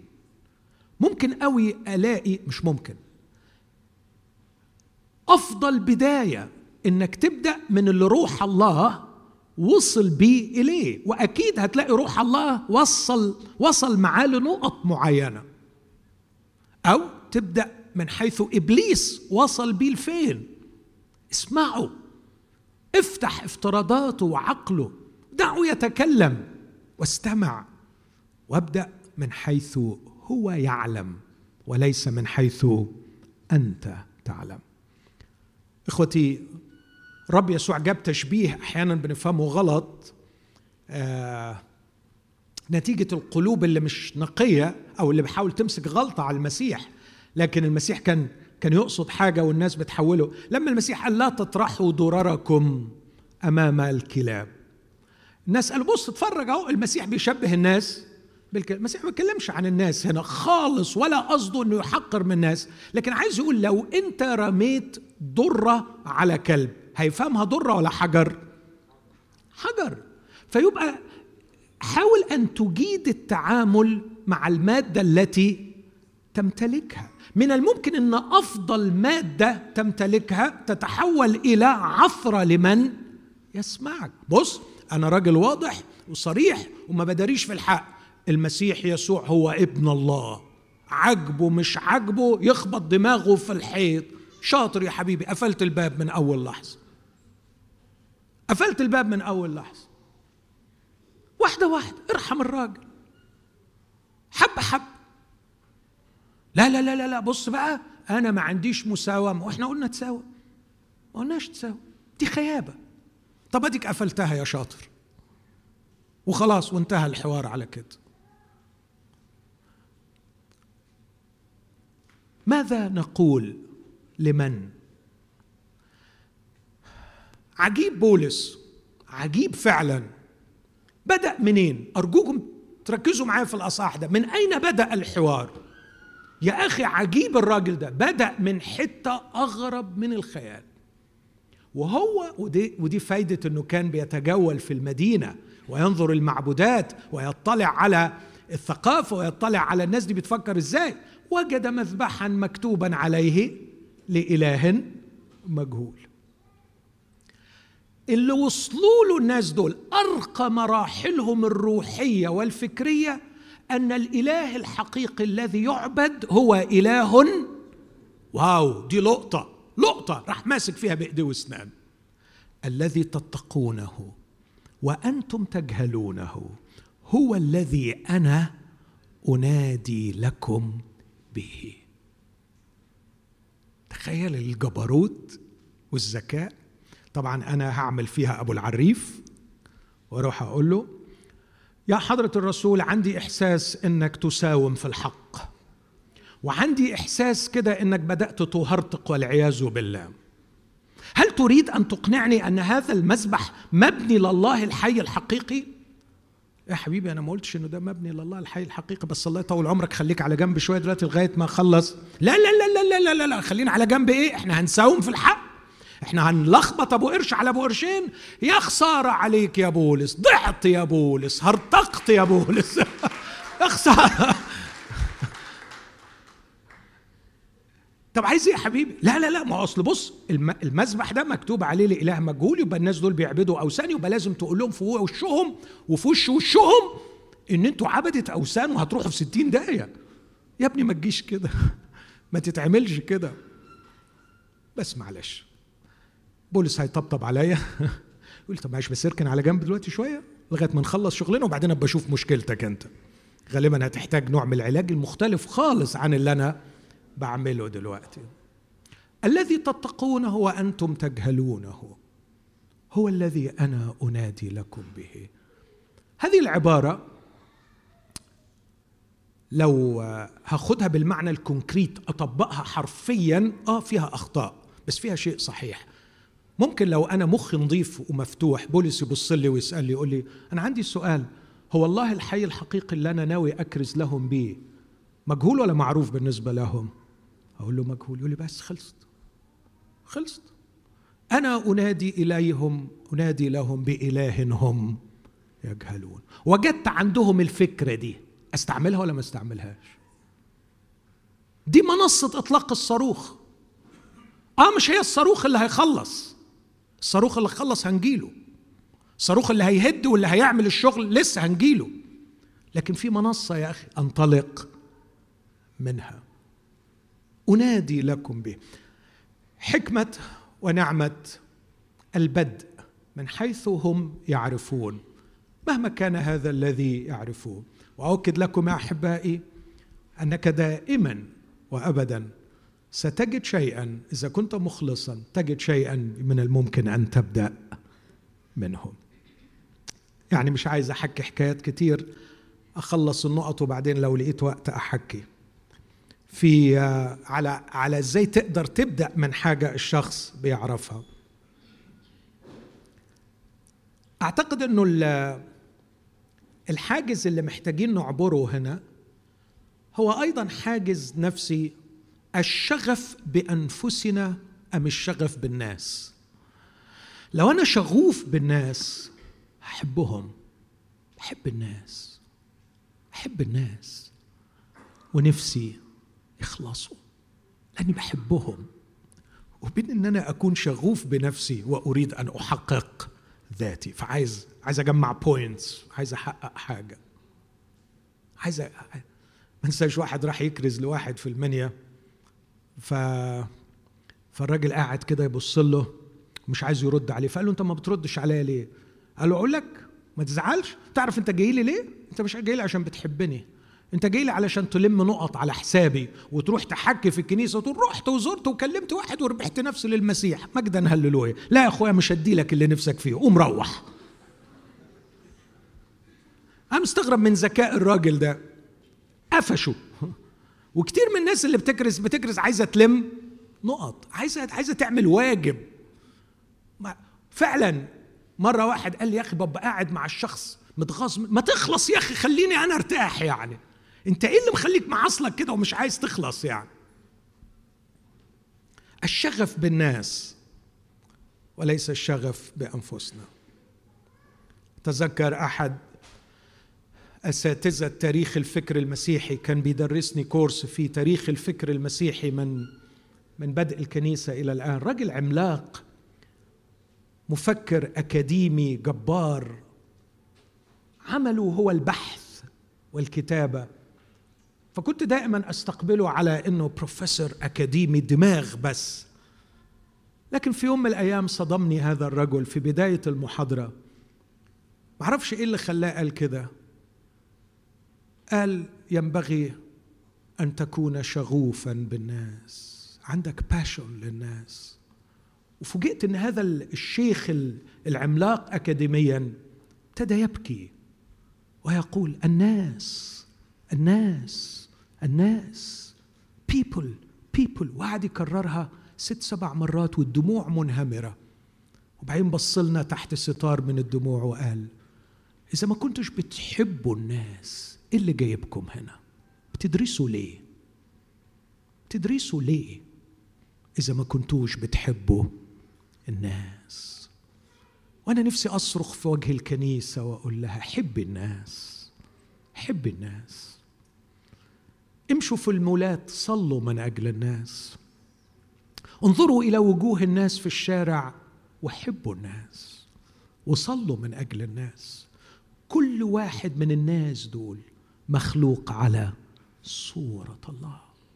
امبارح كان الطريق زحمة قوي وخدنا وقت وإحنا داخلين وأنا عمال أتأمل في وجوه أخواتنا اللي في المعبد اللي طالعين طالعين. وجوه مختلفة عنا في كل شيء. مختلفة في المنظر مختلفة في الثقافة مختلفة في اللغة مختلفة في البشرة. بس طول الوقت وأنا عمال أشوف واحد ورا التاني عمال أقول لنفسي يا رب هذا مخلوق على صورتك. هذا يحمل صورتك. هذا يحمل صورتك. هذا يحتاج ليسوع المسيح علشان يفديه ي restore the image of God إذا ما كناش نحب الناس حب حقيقي ونحترمهم ونقدرهم من كل قلبنا المؤتمر ده ملوش لازمة. فعلا المؤتمر ملوش لازمة. اعبر وأعنا. على فكرة إحنا مش رجال حريق. شغلتنا نروح نطفي حريقة وخلاص وده عملنا كوظيفة. لكن إحنا أعضاء جسد يسوع اللي بذل نفسه من أجل الناس. ابن الإنسان أتى من أجل الإنسان ليخدمه. النقطة اللي بعديها. البحث عن نقطة مرجعية مشتركة. البحث عن نقطة مرجعية مشتركة. ما أقصدش أن نبدأ من حيث يعرفون لكن النقطة المرجعية point of reference. يعني إيه point of reference؟ يعني بص الحوار بتاعنا هيبقى حوار الطرشان أو الطرشانين اللي ما بيسمع لو ما اتفقناش من الأول مب... علنا أو سرا كيف سنتفق؟ جون ستوت يقول كلمة حلوة حكمة. علينا إذا أردنا أن نتفق أن نتفق اولا كيف نتفق؟ أقولها تاني ولا سهل؟ إذا أردنا أن نتفق نحتاج إلى أن نتفق اولا كيف سنتفق. يعني مثلا لو أنت وفلان آه، بت آه، بتقدروا القسيس وائل قوي فممكن يكون الاتفاق. بص إحنا هنتناقش ونتحاور بس اللي هيقوله وائل بعد كده إحنا الاثنين هن هنوافق عليه. فاتفقنا من الأول إحنا إزاي ممكن نتفق. إذا ما كانش في common point of reference بينك وبين الشخص عمركم ما هتوصلوا لحاجة. النقطة دي لازم بذكاء أكتشفها من البداية. لما دخل المجمع كان يحجهم ثلاث ثبوت منين؟ منين؟ في المجمع من العهد القديم من الكتب ليه بيحجهم من الكتب؟ لأن هي دي النقطة اللي هم بيفهموا منها طب إيه رأيكم يروح يحاج بقى في أريوس باغس من الكتب؟ ينفع الكلام الفاضي ده؟ إيه الكتب بالنسبة له؟ إيه لازمة الكتب بالنسبة له؟ بص بقى أنا مش عاجبني ابدا الروح الليبرالية بتاعتك دي كلمة الله حيه وفعاله ولو نزلت على دماغ أي بني آدم هتخلص خلاص. فأنت تروح تقول كلمة الله فهم ما فهمش قبل ما قبلش. دي, دي مشكلته.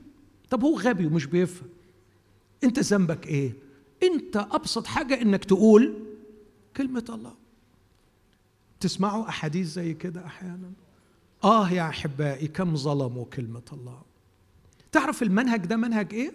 لو رأيتها نازلة على جبل لرأيت الجبل خاشعا. واضح إنكم مش فاهمين حاجة. أحسن.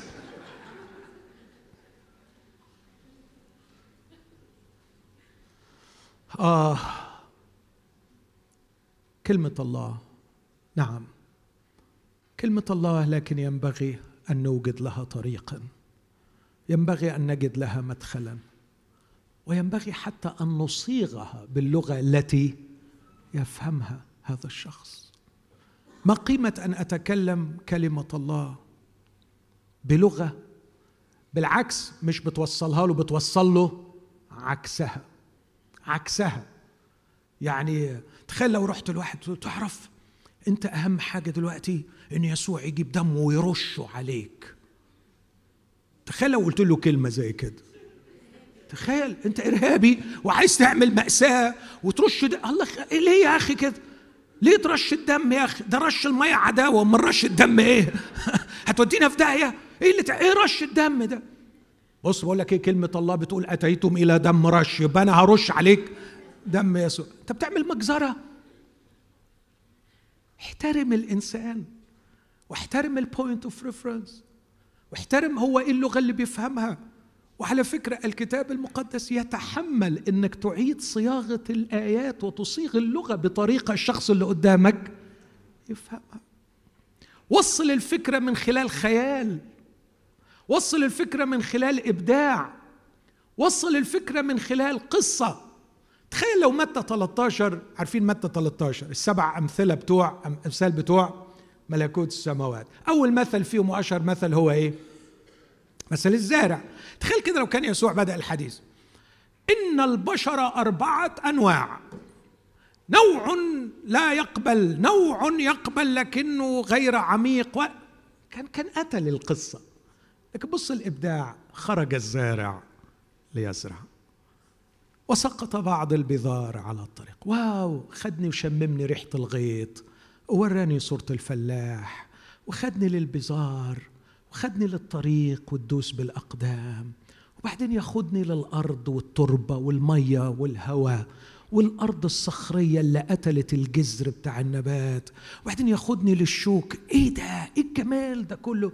على فكرة خلاصة كل ده هم الأربع أفكار. بس يسوع ما تصش الأربع أفكار لكن لبسهم حكاية. استعمل واحدة من أعظم النعم التي أنعم الله بها على الإنسان الفن والإبداع. علينا أن نبدأ من نقطة مرجعية مشتركة. ما هي النقطة المرجعية المشتركة؟ كانت بين بولس وبين المفكرين الفلاسفة الرواقيين والأبوكريين في أريوس باغوس. كانت هي المنطق. كانت هي المنطق. وطالما أنهم يحترموا المنطق فما عنديش حل غير إني أبني على المنطق.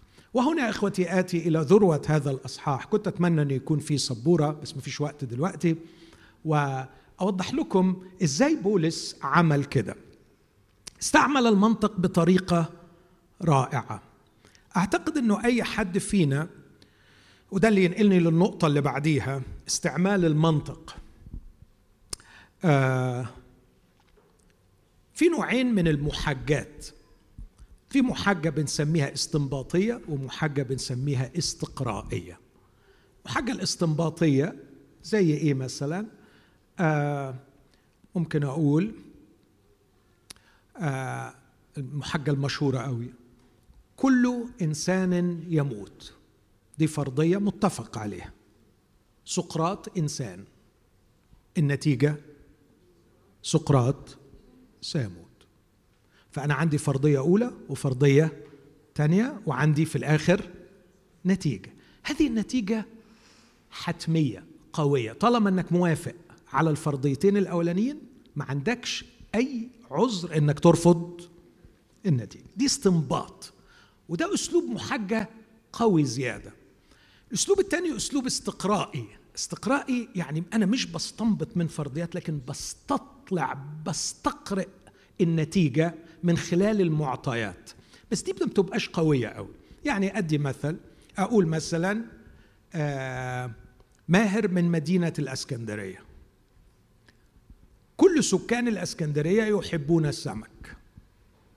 إذا ماهر اليوم هيطلب في المطعم سمك. ده استقراء. وليس استنباط توقع. بس التوقع ده مش لازم بالظبط يحصل. ماهر النهارده عنده سهال ومش هيقدر ياكل سمك ممكن. لو زودت معلومة تاني باظت الحكاية. ماهر مثلا في الفترة الأخيرة بقى عنده حساسية من السمك. فأي معلومة زيادة تجيلك ممكن تغير الحجة كلها وتغير الاستقراء أتعجب إنه بولس لم يستعمل الحجج الاستنباطية لكنه استعمل الحجج الاستقرائية. وده أسلوب جميل في الحوار إنك تجعل الشخص يشترك معك في الاستقراء من خلال إعطاء المعطيات. أكيد الحجج الاستنباطية ليها مكانها وليها وضعها لكن الحوار اللي حصل في أريوس باغوس بولس اتبع في المنهج الاستقرائي وليس المنهج الاستنباطي وهوريكم الإبداع اللي عمله بولس في هذا الأصحاح. بص بيقول إيه. هو لما راح لهم عايز يوصل برسالة في الآخر إنهم يتوبوا. بس راح مركز على حاجتين. الحاجة الأولانية الهياكل الوثنية والحاجة الثانية التماثيل اللي بيعبدوها. ودي هجيلها في نقطة إنك نقي حاجة أو حاجتين تركز عليهم في البداية في الحوار. ما تغرقش روحك في حاجات كتير هو ما يفهمهاش. نقي واحدة ولا اتنين. فبولس راح انتقى من حياة هؤلاء الأشخاص الهيكل والصنم. إيه رأيك لو قدرت مع شخص يعبد الأوثان إنك تهدله فكرة الهيكل وفكرة الصنم؟ أحرزنا تقدم ولا ما أحرزناش؟ أحرزنا تقدم كبير. وصلنا للغاية النهائية لا ما وصلناش. بس إزالة الفكرتين دول تقدم ولا مش تقدم؟ تقدم عظيم. آه بولس عمل كده. بس شوف إزاي وصل لفكرة إن الهيكل ملوش لازمة والصنم ملوش لازمة. عمل محاجة استقرائية كالآتي. بدأ بفرضية بتقول الإله الذي تتقونه وأنتم تجهلونه أنا أنادي لكم به. إيه شكله الإله ده؟ عدد 24 الإله الذي خلق العالم وكل ما فيه. جميل. ذكي. رائع. بيدي إيحاء بإيه هنا؟ بالاتساع بالكبر بالشمول. هو أكبر من العالم وأسبق من العالم. خلق العالم وكل ما فيه. هذا إذ هو رب السماء والأرض.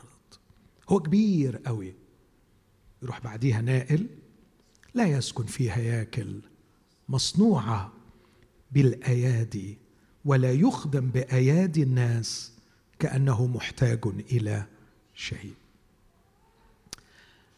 رسم صورة الله الكبير. بعدين قال بما إنه هو أكبر من العالم صعب قوي إنك تحده وتسكنه في هيكل مصنوع بأيادي الناس. وتخدموا الناس كأنه محتاج إلى شيء. استقراء. استقراء. طبعا هنا لما بقول الكلام ده بيجي واحد يقول لي بس ما ربنا آه عمل هيكل لسليمان خلى سليمان يبني هيكل. بس لما تقرأ بدقة تلاقي سبع مرات في تثنيه 12 المكان الذي اختاره الرب ليحل اسمه فيه. في فرق بين سكن الاسم وسكن الشخص. الشخص لا تحد السماء ولا الأرض. لكن إسكان الاسم أمر آخر ما يعرفوش عنه حاجة الجماعة دول. لكن هم كانوا مقتنعين فعلا إن الله فعلا هو جوه جوه الهيكل ده. فهدم الفكرة أو خلاهم يستقرئوا هذه الفكرة إنه الذي خلق العالم وكل ما فيه لا يسكن في هياكل الذي صنع لا يمكن يكون محتاج لخدمة أيدي الناس. الكونكلوجن أو النتيجة الثانية اللي طلع بيها هي نفسها بيستعملها فرضيه للمحجة اللي جاية بعديها. إذ هو يعطي الجميع حياة ونفسا وكل شيء. وكلمة حياة ونفس لأنه هينط بعد شوية على الصنم اللي لا عنده حياة ولا عنده نفس. يعطي الجميع حياة ونفسا وكل شيء. وصنع من دم واحد. أول مرة نقرأ كلمة صنع من دم واحد. لكن لأنه عايز ينط بعد شوية على الصنم اللي ما عندوش دم. صنع من دم واحد كل أمة من الناس يسكنون على كل وجه الأرض وحتم بالأوقات المعينة وبحدود مسكنهم لكي يطلبوا الله لعلهم يتلمسونه فيجدوه مع أنه عن كل واحد منا ليس بعيد. إله تواصل إله شركة إله حي. اسمع بقى لاننا به وده تعبير من أرسطو. تعبير من الفلاسفة بتوع لأننا به نحيا ونتحرك ونوجد. actually مش من sorry أنا قلت أرسطو. ايبيمينيدس ده قصيدة كاتبها ايبيمينيدس لزيوس. تخيل؟ ودي جرأة من بولس. أكمل المحاجة وبعدين أرجع للحتة دي. لأننا به نحيا ونتحرك ونوجد. كما قال بعض شعرائكم أيضا لأننا أيضا ذرياته. لاحظ أنه في المجموعة اللي فاتت من الفرضيات هذا الإله بيعمل كائنات من حية من دم. هذا الكائنات به نحيا ونتحرك. فكرة الحركة وفكرة الحياة حاضرة بقوة في الفرضيات دي. لما يوصل الصورة إن الإله مليان بالحياة ومليان بالحركة ما ينفعش يبقى صنم. فهدم الأول فكرة الهيكل وبعدين هدم فكرة الصنم. وبمناسبة القصيدة قصيدة كاتبها إيبيمينيدس في القرن السادس قبل الميلاد. بولس حفظها. القصيدة دي بتقول إيه؟ مطلعها كالآتي. لقد بنى لك الكريتيون يا زيوس قبرا. لكن الكريتيون دائما كذابون وحوش ردية بطون بطالة. فأنت يا زيوس الحي الذي لا يموت لأننا بك نحيا ونتحرك ونوجد. بولس خد الشطرة الأخيرة وحطها في أعمال 17 وخد الشطرة الثانية وحطها في تيتوس أصحاح واحد. بولس كان يقتبس الشعر لا لأنه موحى به من الله لكن لكي يفتح قلوب هؤلاء الناس. ليقبلوا الرسالة التي يريد أن يوصلها. خدتوا بالكم هدم فكرة الهيكل وبعدين هدم فكرة الصنم. طيب ده معناه إن أنتوا عايشين طول الوقت بتعبدوا صنم جوه الهيكل يبقى وضعكم غلط ولا صح؟ غلط في حق مين؟ الإله الذي تتقونه وأنتم تجهلون. أنا فكيت حكاية تجهلون وقلت لكم عنه حاجتين. قلت لكم عنه إنه ما ينفعش يسكن في هيكل وما ينفعش يبقى صنم. طب تعملوا إيه دلوقتي؟ تتوبوا يا حلوين. تتوبوا يا شطار. فالله الآن يأمر جميع الناس في كل مكان أن يتوب. متغاضيا عن أزمنة الجهل. وعلى فكر لو ما فيش توبة في عقاب. لأنه أقام يوما هو فيه مزمعا أن يدين المسكون بالعدل برجل قد عينوا. مقدما للجميع إيمانا إذ أقامه من الأموات. حلو قوي برضو برجل قد عيانه وأنا واقف جنبه لسه من ساعة ما ركني وقال لي اركن على جنب لما قعدت أناقشه في الحاجات الغلط اللي بيقولها آه، فركني على جنب. بس هنا بقى ما قدرتش أحتمل بصراحة. ما قدرتش يا ريمون أتحمل. أول ما قال برجل قد عينه قلت له قول اسمه يسوع. يسوع. قول يسوع. قول يسوع. إيه يا بولس؟ مستحي من اسم يسوع؟ لا ما كانش العشم يا بولس. لا لا لا انت حالتك الروحية اتدهورت خالص يا بولس. قول اسم يسوع يا بولس. باسم يسوع. قول. قول يا بولس يسوع. وهو ينخزني. اسكت دلوقتي يا أخي. اسكت أنت مش فاهم حاجة. ماذا يعني اسم يسوع ليهم؟ هل اجلب على سيدي احتقارا؟ وهم بعد جهال يعبدون الأصنام. لما نخلص من مصيبة الأصنام نبقى نتكلم عن يسوع. دلوقتي أقول برجل قد عيانه إذ أقامه من الأموات. واللي عايز يعرف اسمه يجي ورايا. اللي عايز يعرف عن الراجل ده أنا جاهز. اللي عايز يعرف أكتر ورفض الأصنام لكن واحد لسه متمسك بالأصنام. ماذا يعني له يسوع؟ يسوع هو اللي حب ومات عن الخطاة. طب إذا كنت أنا من الأصل مش شايف روحي خاطي ما قيمة يسوع بالنسبة لي؟ واللي, واللي توقعه حصل. لو تاخد بالك يقول لك ولما سمعوا بالقيامة من الأموات وأنه في رجل أقاموا الله من الأموات كانوا يستهزئون. الحمد لله أنه ما قالش اسمه بصراحة. صدقوني الحمد لله. أو على الأقل استهزأوا بالحادثة. ما استهزأوش بالشخص. برافو عليك يا بولس. استهزأوا بالحدث ولم يستهزئوا بالشخص. وبعدين يقول إيه؟ والبعض يقولون سنسمع منك عن هذا أيضا. بصراحة كلامك مثير للاهتمام. it's interesting نحب إن إحنا نسمع تاني. بس بص اللي بعديها يقول وهكذا خرج بولس من وسطهم. ولكن اناسا التصقوا به وآمنوا. ومنهم لقطتين كبار.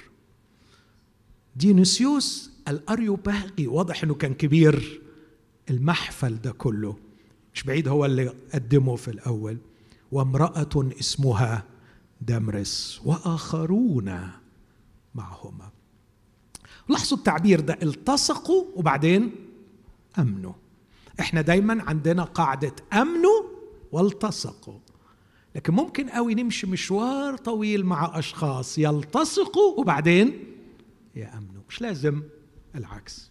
لكن خدتوا بالكم من فكرة المنطق بناء الحجج. خدتوا بالكم من فكرة اختيار نقطة واحدة تركز عليها وتحاول تهدها. ومش ضروري تكون في صلب العقيدة المسيحية في صلب الإيمان المسيحي. يعني صلب الإيمان المسيحي لو قلت ما هو أساس الإيمان المسيحي التجسد الصليب القيامة لاهوت المسيح الثالوث. لكن مش من صلب الإيمان المسيحي إن أنا أقعد أقول ما فيش هيكل وثني وما فيش صنم. بس هو ده احتياجه دلوقتي إن اهدله النقطة دي علشان هي دي اللي منعاه. بعد ما أشيل العائق ده ندخل لما هو أكثر. أنا قلت كم نقطة لغاية دلوقتي؟ أنا قلت البحث عن نقطة مرجعية مشتركة ودي كانت نمرة تسعة. استعمال المنطق دي نمرة عشرة. الاطلاع على ثقافة الشعب الذي نريد العبور إليه من خلال دراسة الشعر بتاعهم. وأعتقد إن إحنا مقصرين جدا في دراسة ثقافة الشعب المحيط بنا. من الممكن أن ندرس ثقافتهم من خلال الأدب من خلال يعني الكتب الدينية. وأنا أعتبرها يعني عار على أي مسيحي لم يقرأ الكتب الدينية بتاعت الآخرين على الأقل يعرف هم بيفكروا إزاي. النقطه نمرة 11 اسمع الهدم التدريجي للحصون. الرسول بولس قال هادمين حصونا هادمين ظنونا وكل علو قادرة بالله على هدم حصون. بس الشطارة إنك تهدم الحصون إيه؟ ها؟ تدريجيا فالحصن دلوقتي اللي حابسهم فيه إبليس مش إنه في طريق آخر للخلاص. مش هو ده الحصن. الحصن إن في عبادة وثنيه نخلص من العبادة الوثنية الأول وبعدين نفكر في الطريق إلى الخلاص. آخر حاجة تقديم الدعوة. تقديم الدعوة. ودي عايزة شجاعة شوية. الله الآن يأمر جميع الناس في كل مكان أن يتوبوا متغاضيا عن أزمنة الجهل. ادفع الشخص أن ياخد قرار. زق الشخص أنه يقرر حاجة. مش ضروري يكون القرار الكامل الكبير لكن زقه يقرر ولو حاجة صغيرة. أحكي حكايتين واكتفي الحكاية الأولى مش عارف أنقي أنهي حكاية. دفع الشخص لاتخاذ قرار. ولو قرار بسيط.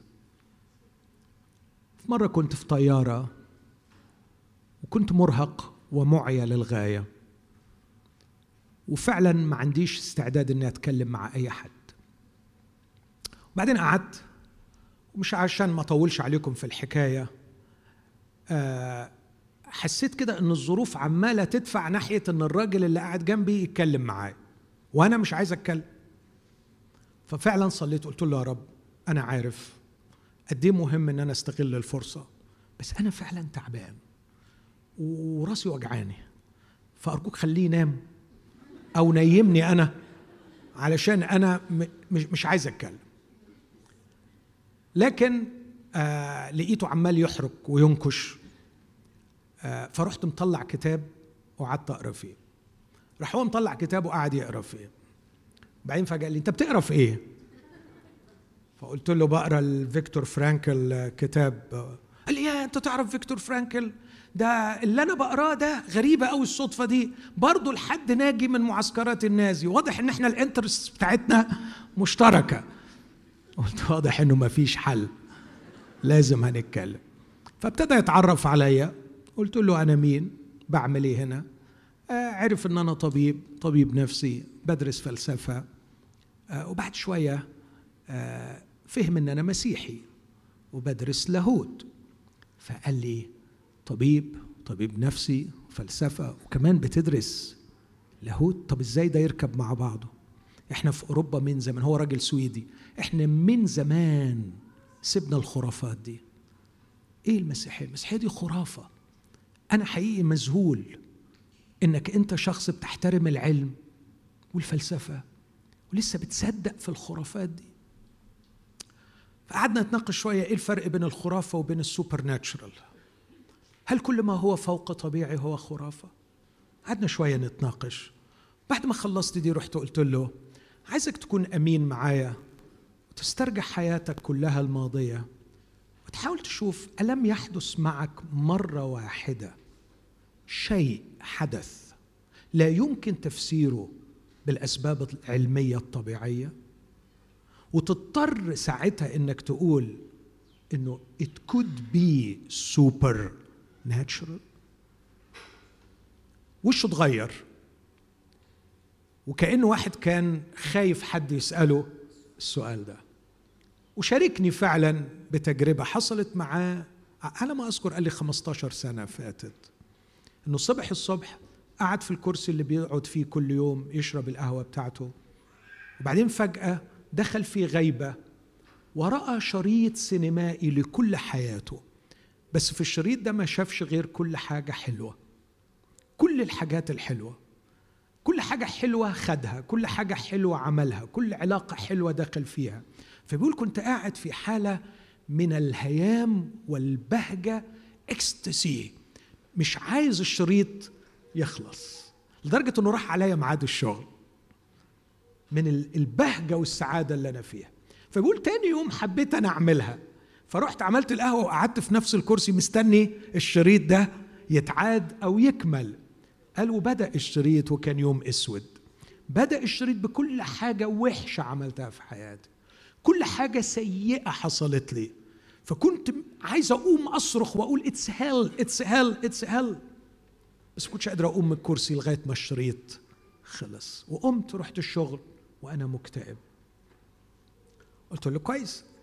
قول لي بقى إزاي تفسر علميا الخبرة دي؟ قال لي أنت بقى اللي تفسر كطبيب نفسي. إزاي؟ قلت له بصراحة ما عنديش أي تفسير لكن أقدر أفسرها روحيا. أقدر أفسر إن إحنا مش عايشين في closed box مش عايشين في عالم مغلق لكن في إله خارج هذا العالم وهذا الإله يخترق هذا العالم بين الحين والآخر ويصل إلينا برسائل مختلفة. وعندما نرفض الرسائل التي وصل بها إلينا يضطر أن يتدخل برسالة شخصية supernatural فأنا تفسيري إن الله كان يتحدث إليك في هذا اليوم. قال لي طب وكان عايز يقول لي إيه؟ قلت له كان عايز يقول لك إن أنت عامل حاجات وحشة كتير ولازم تشوف لك حل فيها. قال لي ويل خلاص عرفت مش هعملها تاني. كل الحاجات الوحشة اللي شفتها مش هعملها تاني. قلت له صدقني فكرة جيدة. والحاجات الحلوة اللي هعملها تاني. قلت له برافو عظيم. خلاص من دلوقتي ورايح الحاجات الوحشة ما تعملهاش والحاجات الحلوة أعمل. وسكتنا شوية كتار. بعدين نكشته. قلت له آه مش فاكر كان اسمه إيه. قلت له فلان عندي سؤال. طب الحاجات الوحشة اللي أنت عملتها دي هتعمل فيها إيه؟ قال لي ما خلاص ما إحنا قلنا مش هعملها تاني. قلت له لا مش بقصد على اللي جاي أقصد على اللي فات. قال لي لا ما راحت. قلت له لو كانت راحت ما كانتش جت. ما هي جت لك أهي. أعدالك. وطلعت لك. وش ضمنك إنها تطلع لك مرة تاني وتالت؟ قال لي آه صح عندك حق. طب أعمل فيها إيه دي؟ قلت له شوف لك طريقة. أنت عندك طريقة إنك ما تعملهاش تاني وإن كنت اشك فيها لكن يعني خلينا في اللي فات. هتعمل فيه إيه؟ هتعمل إيه في اللي فات؟ ما عنديش حل. قلت له عندنا في المسيحية في حل. لو حابب تعرفه قول لي. سكتنا شوية. قال لي أعمل إيه في الحاجات الوحشة؟ قلت له الكتاب المقدس بيقول إنه أجرة الحاجات دي لازم تدفع وما ينفعش إن الله يغفرها بدون ثمن لأن الحاجات دي دمرت ناس وجرحت ناس ولابد من عقاب ليها. الله حط قانون ولكن المسيح مات من أجلنا على الصليب ليحمل عنا عقوبة هذه الأشياء ويصالحنا مع الله فالله will fix everything. الله هيصلح لما تجي له قال لي لا لا لا أنا مش قادر أصدق الحاجات دي. قلت له طب بقرا الكتاب المقدس قال لي نو نو قلت له خلاص وسكتنا. بس وأنا نازل من الطيارة ناداني وقال لي ماهر هقرأ الكتاب المقدس. هقرأ الكتاب المقدس. ده مثال يا أحبائي الباب اتفتح ربما أكثر للوصول إلى مستوى أكثر من الحديث. لكن يدينا مثال لفكرة أن نبدأ مع الشخص من حيث هو وليس من حيث نحن نعرف. كيف نبني الحجة وكيف نحاول أن نصل؟ نهدم شيئا قليلا نهدم حصنا صغيرا وننتظر أن الله يفتح الباب للمزيد. آه أنا عايز بس أقرأ حاجة واكتفي بيها وبعدين نصلي مع بعض. إذا عبرنا كل الحواجز ووصلنا إلى الناس. دعونا نتذكر أننا ندعو الناس لشخص وليس لعقيدة أو ديانة. أمين؟ ندعو الناس لشخص يسوع ليس لعقيدة أو لديانة. الله لم يرسلنا لنكرز بعقيدة والعقيدة لا تخلص. شخص المسيح هو الذي يخلص. الله لم يرسلنا لكي نوسع دائرة الديانة المسيحية لكن الله أرسلنا لندعو الناس للارتباط بشخص يسوع. نبشر بشخص ليس بعقيدة ولا بديانة. الأمر الثاني نبشر بشخص يرغب في علاقة معه وتوحد به وليس في الانتماء إليه وقبول تعاليمه لا ندعو الناس للانتماء ليسوع أو لمجرد اتباع تعاليم يسوع. الانتماء ليسوع واتباع تعاليم يسوع لا يخلص الإنسان لكن ليخلص الإنسان هو التوحد مع شخص. يسوع. قبول يسوع بعلاقة شخصية معه والتوحد به. واضح الفرق بين الاثنين يا أحبائي؟ لو وصلنا إن إحنا بنقدم للناس معلم عظيم علم تعاليم سامية نحن ندعو إلى دين ولسنا ندعو إلى الخلاص. التوحد بيسوع. كنت بكرز من كام يوم في الكويت من هو يسوع وماذا يقدم؟ وبعد ما قلت مين هو وماذا يقدم قلت لو في حد هنا صدق كل اللي أنا قلته مش هيخلص. مجرد إنك تصدق كل اللي أنا قلته ده ما يخلصش. لكن لو صدقت اللي أنا قلته ممكن يساعدك على حاجة واحدة إنك تروح للمخلص تروح للشخص. يا إخوتي العقيدة لا تخلص. لو شلت من دماغك كل العقائد الخاطئة وحطيت عقائد صحيحة سليمة كتابيا هذا لا يعني أنك خلصت. لكن ممكن العقائد الصحيحة تقودك إلى المخلص. نحن نكرز بالمخلص يسوع المسيح. الامر الثالث نحن نبشر بهذا الشخص الذي يقود الناس لملكوت الله وليس للسماء. ودي نقطة مهمة أوي. أكيد السماء جزء من ملكوت الله لكن اختزال الملكوت إلى دخول السماء خداع للناس لأنه فكرة الملكوت فيها أنه يقبل الله أن يكون ملكا عليه. الملكوت ملكوت الله. فإنك تدخل ملكوت الله يعني معناها تكف عن أن تكون أنت ملك بتبني ملكوتك. جاء يسوع يكرز ثلاث كلمات. قد كمل الزمان واقترب ملكوت الله. فتوبوا وآمنوا بالإنجيل. تدخل الملكوت توطي راسك وتحني رأسك للملك اللي تمردنا عليه وجبنا روحنا الكافية بسبب التمرد. وآخر شيء نحن لا نكرز. بمسيح يصنع آية ولا بحكمة يقدم فلسفة لكن نكرز بالمسيح مصلوبا. اليهود يطلبون آية واليونانيين يطلبون حكمة لكننا نحن نكرز بالمسيح مصلوبا. لليهود عثرة ولليونانيين جهاله أما عندنا نحن المخلصين قوة الله وحكمة الله. إلا أقصده أحبائي هنلاقي ناس كتير قوي عندها استعداد بسهولة ترفع إيدها وتسلم حياتها ليسوع اللي بيعمل معجزات. بس مش ده موضوع كرازتنا. أو عندهم استعداد يفتحوا عقلهم لفلسفة عميقة بس الفلسفة عمرها ما تخلص. الفلسفة لا تخلص. وإذا حولنا التعليم المسيحي إلى فلسفة لا يخلص. اللي بيخلص التوحد مع المسيح ال مصلوب إيه بقى العمق والحكمة في الصليب؟ إنه من خلاله تتم المصالحة مع الله. المسيح صلب مش لأنه غاوي ألم لكن هناك أمر سري عظيم في الصليب. عندما أتوحد مع المصلوب بشكل سري غامض لا نستطيع أن نفهمه. يتم التصالح مع الله. نقول للناس ونحن نكرز تصالحوا مع الله لأنه جعل الذي لم يعرف خطية خطية لأجلنا لنصير نحن بر الله فيه. ألخصهم بنكرز بشخص وليس بعقيدة. ها؟ إيه تاني؟ قولوا أنتم. بنكرز بملكوت الله وليس بالسماء بنكرز بيسوع المصلوب ليس بآية ولا بحكمة.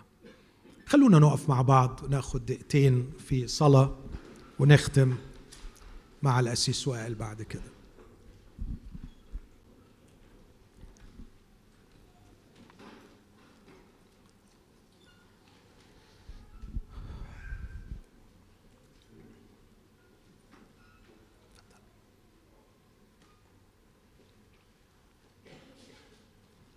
اطلب معايا من الرب حكمة ونعمة.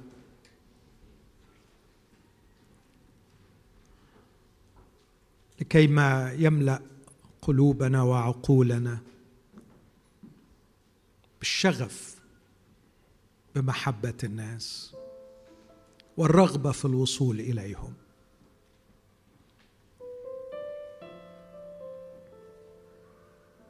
وعندما نصل إليهم نقدم لهم المسيح المصلوب. هذه هي الغاية النهائية التي بها الخلاص. المسيح وإياه مصلوبا.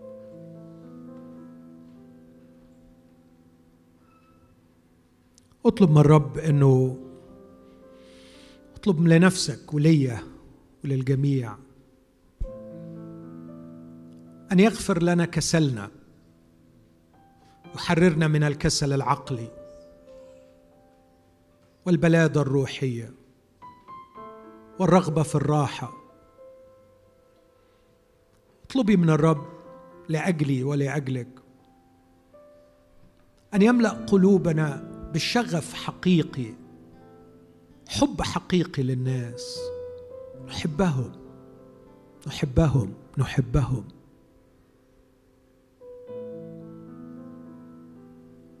نصلي من أجلهم. اطلب من الرب أن يملأنا بيقين القوة أن أسلحة محاربتنا قادرة بالله على هدم الحصون وكل علو يرتفع ضد معرفة الله.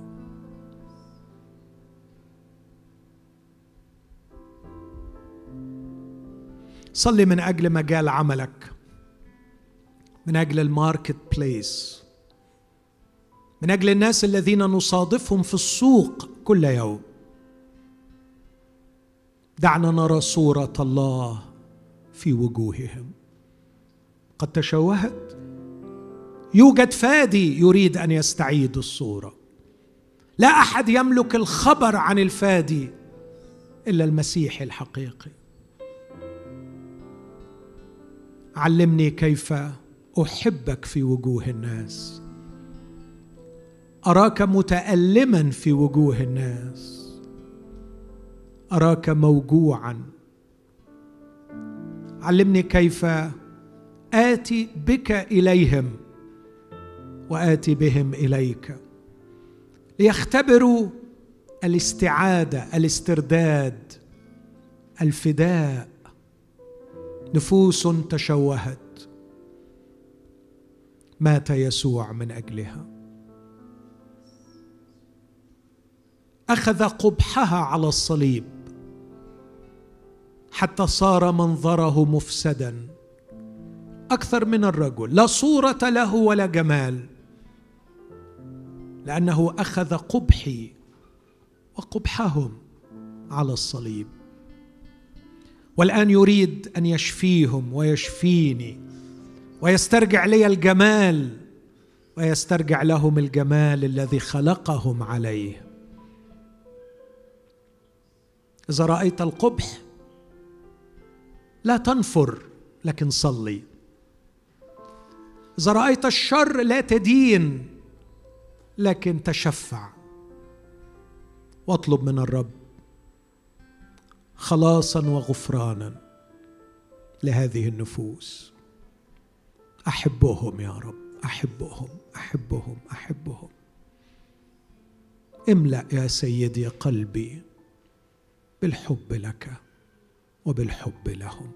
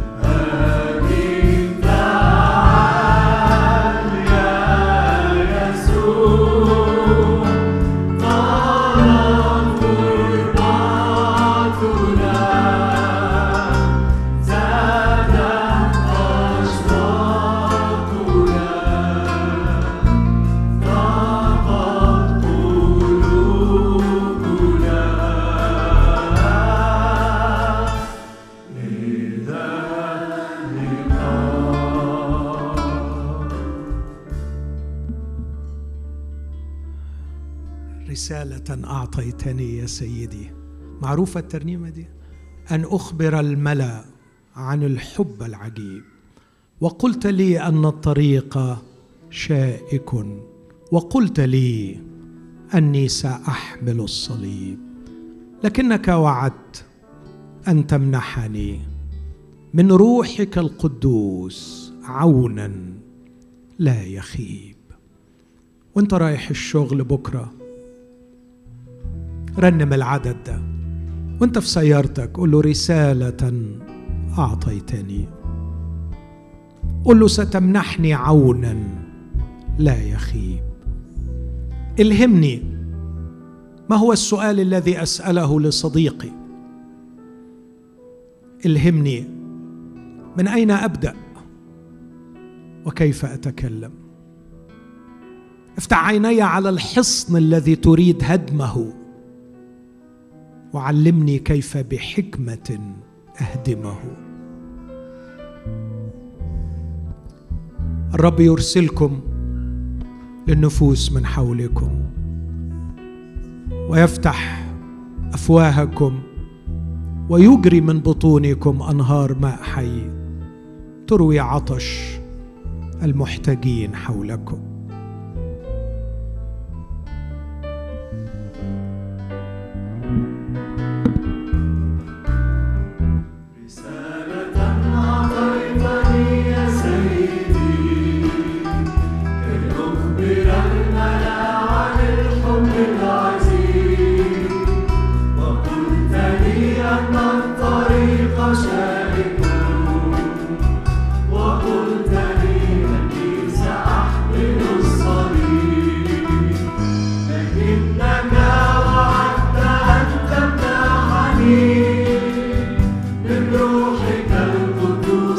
down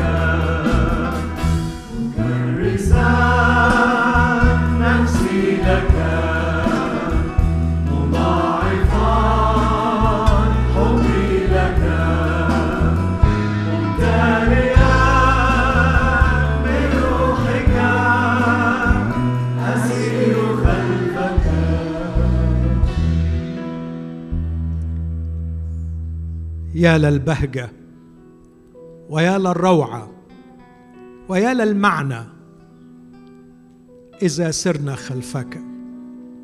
عيشه تستحق أن تعاش. حياة مملوءة بالفرح. إذا سرنا خلفك. أيها الحبيب والمعلم علمني أن أكون تلميذا لك. واعطني مع إخوتي أن نحظى بهذا الشرف وأن تكون خبرة حياتنا القصيرة تدور حول هذا الغرض أن نكون تلاميذك تلاميذك. كم سيكون رائعا يا سيدنا إذا شتمنا بهذه الشتيمة أنت تلميذ ذاك. كم نشتاق فعلا؟ أن يعرف القاسي والداني العدو والحبيب أننا تلاميذك.